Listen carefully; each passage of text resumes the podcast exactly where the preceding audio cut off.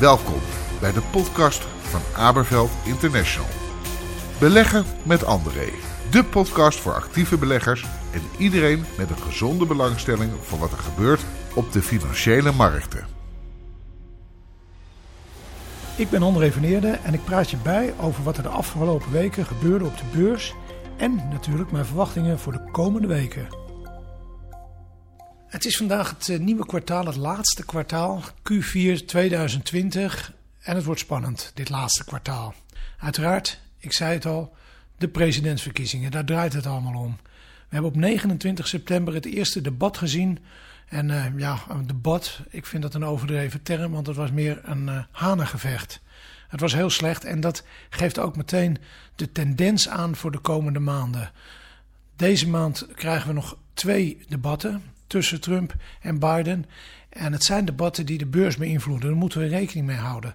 Langzaam maar zeker zullen we ook gaan zien wie de meeste kansen maakt op het presidentschap. En dan komt natuurlijk de vraag naar boven: welke president is beter voor de beurs? Is het Biden? Is het Trump?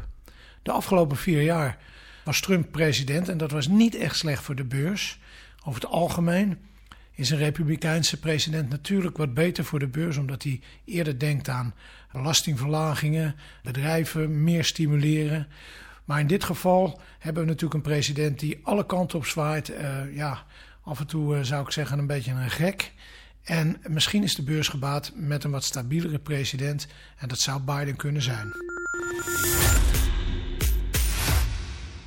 Afgelopen maand september is een, uh, een rommelige maand geweest, maar niet zo rommelig als normaal. september is over het algemeen een maand waarin veel fluctuaties zijn. Maar kijken we naar de AEX, dan zien we een beweging tussen de 5,68 aan de bovenkant, 5,33 aan de onderkant. En dat is een fluctuatie van 5%. Dus dat is niet echt een hele nerveuze maand. Aan het eind van die maand, en dus het begin van deze maand, kwam natuurlijk het coronavirus weer naar boven. We zagen onlangs de persconferentie van uh, onze premier en daarin werden nieuwe maatregelen aangekondigd. En die maatregelen die zijn natuurlijk niet goed voor de economie. Daar zullen bedrijven last van hebben. In eerste instantie natuurlijk de horeca en daar heeft de beurs niet zoveel last van. Maar uiteindelijk gaat het werken op de gemoedsrust van mensen en gaan mensen weer minder besteden, gaan mensen weer meer thuiswerken. Dus dat heeft uiteindelijk wel een bepaalde invloed op de beurs. Als belegger is het belangrijk dat je je rust kan bewaren. En wat we om ons heen zien gebeuren op dit moment, corona, presidentsverkiezingen, dan is het heel erg moeilijk om je rust te bewaren. En toch moet ik je dat meegeven dat je dat wel moet proberen. We moeten kijken naar de grote lijnen. En als we naar de grote lijnen kijken, dan zien we dat ondanks die politieke spanningen en ondanks de coronacrisis, dat we toch eh, te maken hebben met een aanhoudend lage rente. En die blijft laag. We zien zelfs de rentetarieven onder nul zakken. We zien de hypotheekrente naar nul zakken. Dus eh, lage rente. En lage rente is goed voor aandelenbeleggers. Die lage rente blijft. Wat we ook gaan zien is dat de bedrijven die komen de komende weken met hun bedrijfscijfers.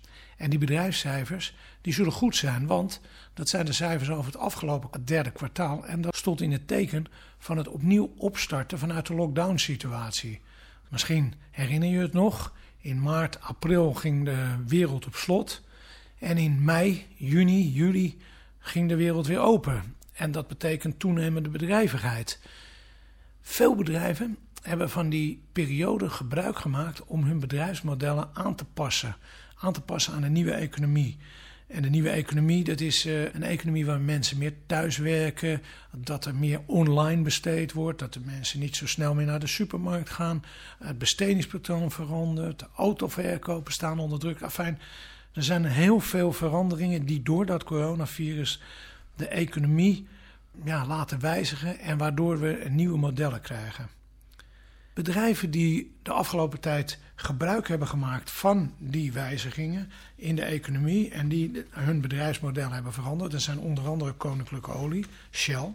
Shell heeft uh, deze week bekendgemaakt dat ze hun bedrijf enorm gaan corrigeren. Ze gaan 9000 man uitgooien. Ze zijn druk bezig met de energietransitie.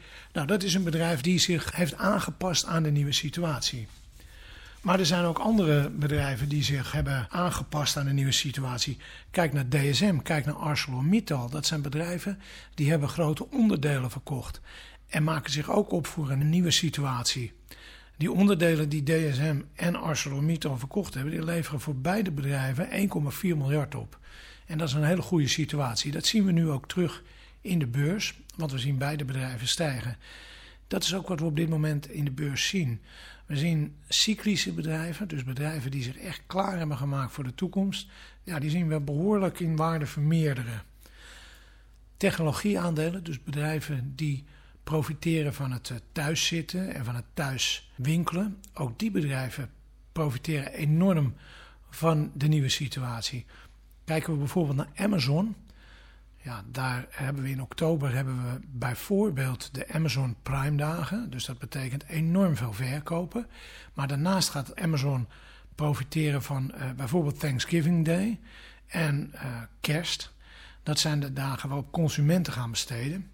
Die consumenten hebben ook wat meer geld op zak, want ze hebben geen geld uitgegeven in die tijd van de lockdown, of minder geld uitgegeven. Ze zijn minder gaan reizen. Dus dit zijn bedrijven die profiteren op dit moment bijzonder van de coronasituatie. Een ander bedrijf dat enorm gaat profiteren van de consumentenbesteding in december is wat dichter bij huis. Dat is Ahold. En Ahold is dan ook een aandeel waar je naar moet kijken. Het is niet goedkoop geprijsd, dus het is niet een aandeel wat ik uh, verwacht dat het heel sterk gaat stijgen. Maar het is wel een heel stabiel bedrijf. En uh, zoals u uh, misschien weet, is Ahold eigenaar van bol.com. Nou, dat bedrijf dat mag zeker op een enorme omzet rekenen. Maar Ahold heeft ook een hele goede strategie in het thuisbezorgd. En met het thuisbezorgen lopen ze voor op andere supermarktconcerns. Uh, wellicht dat Ahold daar wat meer zich in gaat profileren. En dat ze bijvoorbeeld ook thuisbezorgen gaan combineren met het thuisbezorgen van bol.com. Ahold is een bedrijf dat op de radar is. Ook in Nederland het bedrijf Adyen. Adyen is een betaalbedrijf.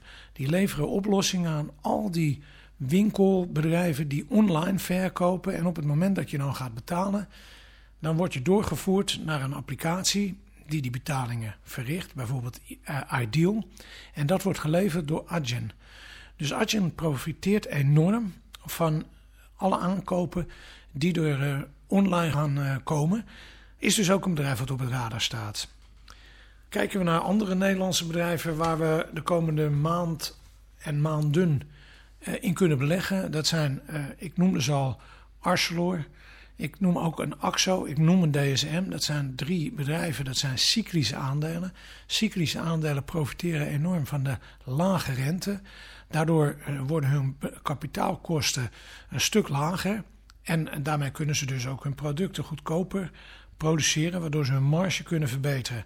Dit zijn echt bedrijven die ervan gaan profiteren.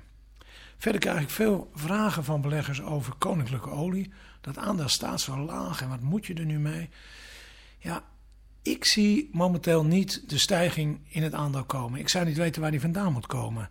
Het aandeel is natuurlijk op 10 euro niet al te duur. En ik verwacht ook niet dat ze heel veel verder omlaag gaan. Maar die hele transitiefase waar ze doorheen gaan, dat is een fase, ja, eh, dat kost heel veel geld. En we zien aan de andere kant ook dat die omzet blijvend onder druk staat. De olieprijs staat onder druk. Dus dit concern hoeft u de komende twee jaar niet echt een spektakel van te verwachten. En ja, als je geen spektakel verwacht, dan heb je dat aandeel alleen maar uh, vanwege een dividend. Nou, op dividendrendementbasis, dan heb je met een koers van 11 euro een dividendrendement van, 11 uh, van 5% Prima. Maar ik zie niet echt een groei. Dus koninklijke olie is niet echt een aandeel wat op mijn radar staat. Ik heb al wat andere aandelen genoemd. Ik wil er nog een toevoegen. Philips is ook een bedrijf wat gaat profiteren, uiteraard, door het coronavirus. De investeringen in de medische sector. Daar profiteert Philips natuurlijk sterk van. In Amerika kijken we naar aandelen zoals bijvoorbeeld Square. We kijken naar aandelen zoals Facebook. We kijken naar aandelen zoals uh, Apple. Ook een aandeel waar je in kan beleggen. Er is een leuk aandeel Beyond Meat. Maar ik adviseer je daarvoor, ga naar onze site aberveld.nl. Aberveld is met een F en een D. En daarop kan je al deze aanbevelingen nog eens teruglezen. Je kan je ook abonneren op onze nieuwsbrief. In deze nieuwsbrief komen deze aandelen uitgebreid aan bod. En je kan er ook analyses van andere aandelen bekijken. Dus abonneer je en blijf op de hoogte van de laatste nieuwtjes van Aberveld. Ik had nog een uh, lesje in beleggen beloofd. Nou, ik hou het kort. Kijk, beleggen is het kopen van aandelen op een wat langere termijn. Maar soms weet je niet exact wanneer moet je dat aandeel kopen. Het is toch zuur als je een aandeel koopt op het moment vlak voordat ze 20% gaan dalen. En dat je dan een hele tijd tegen een aandelenkoers aan kijkt waar je op vlies staat. Dat is jammer. Uiteraard, na een tijdje komt het echt wel weer goed met het aandeel als je het juiste aandeel hebt gekocht. En als je een bedrijf hebt gekocht wat het op langere termijn goed doet. Maar voor de korte termijn zit je dan wat op verlies. Dat kan je voorkomen door in opties te handelen en door een aandeel te kopen via opties. Dat kan je doen door bijvoorbeeld het schrijven van een put of je kan een aandeel kopen en gelijktijdig een call-optie schrijven met een wat hogere uitoefenprijs. Dan verlaag je in ieder geval je aankoopprijs en als je timing dan wat minder is, dan heb je een wat minder negatief resultaat op de korte termijn. Ook daarin verwijs ik je weer naar onze site waar we veel meer over opties schrijven en waar we veel meer les over opties geven. Dat is op dit moment eigenlijk alle tips die ik je mee wil geven. En elke dag zijn er opnieuw tips en elke dag opnieuw nieuwe ideeën. Dus blijf ons volgen. En voor nu bedank ik je voor het luisteren. Wil je een keer met mij persoonlijk praten? Dat kan natuurlijk. En zeker als je een specifieke vraag hebt. Neem gewoon contact met me op, dat kan telefonisch. Je vindt mijn gegevens op onze site, ik zei het al, aberveld.nl. En je kan me ook vinden op Twitter en ook daarin mag je me altijd vragen stellen. Mijn Twitter-account is, hoe kan het ook anders? André van aan elkaar vast. En ik beantwoord je vraag dezelfde dag nog. Abonneer je op onze podcast, een commentaar of een review is natuurlijk ook altijd heel erg welkom. Tot de volgende keer over twee weken met een verse podcast.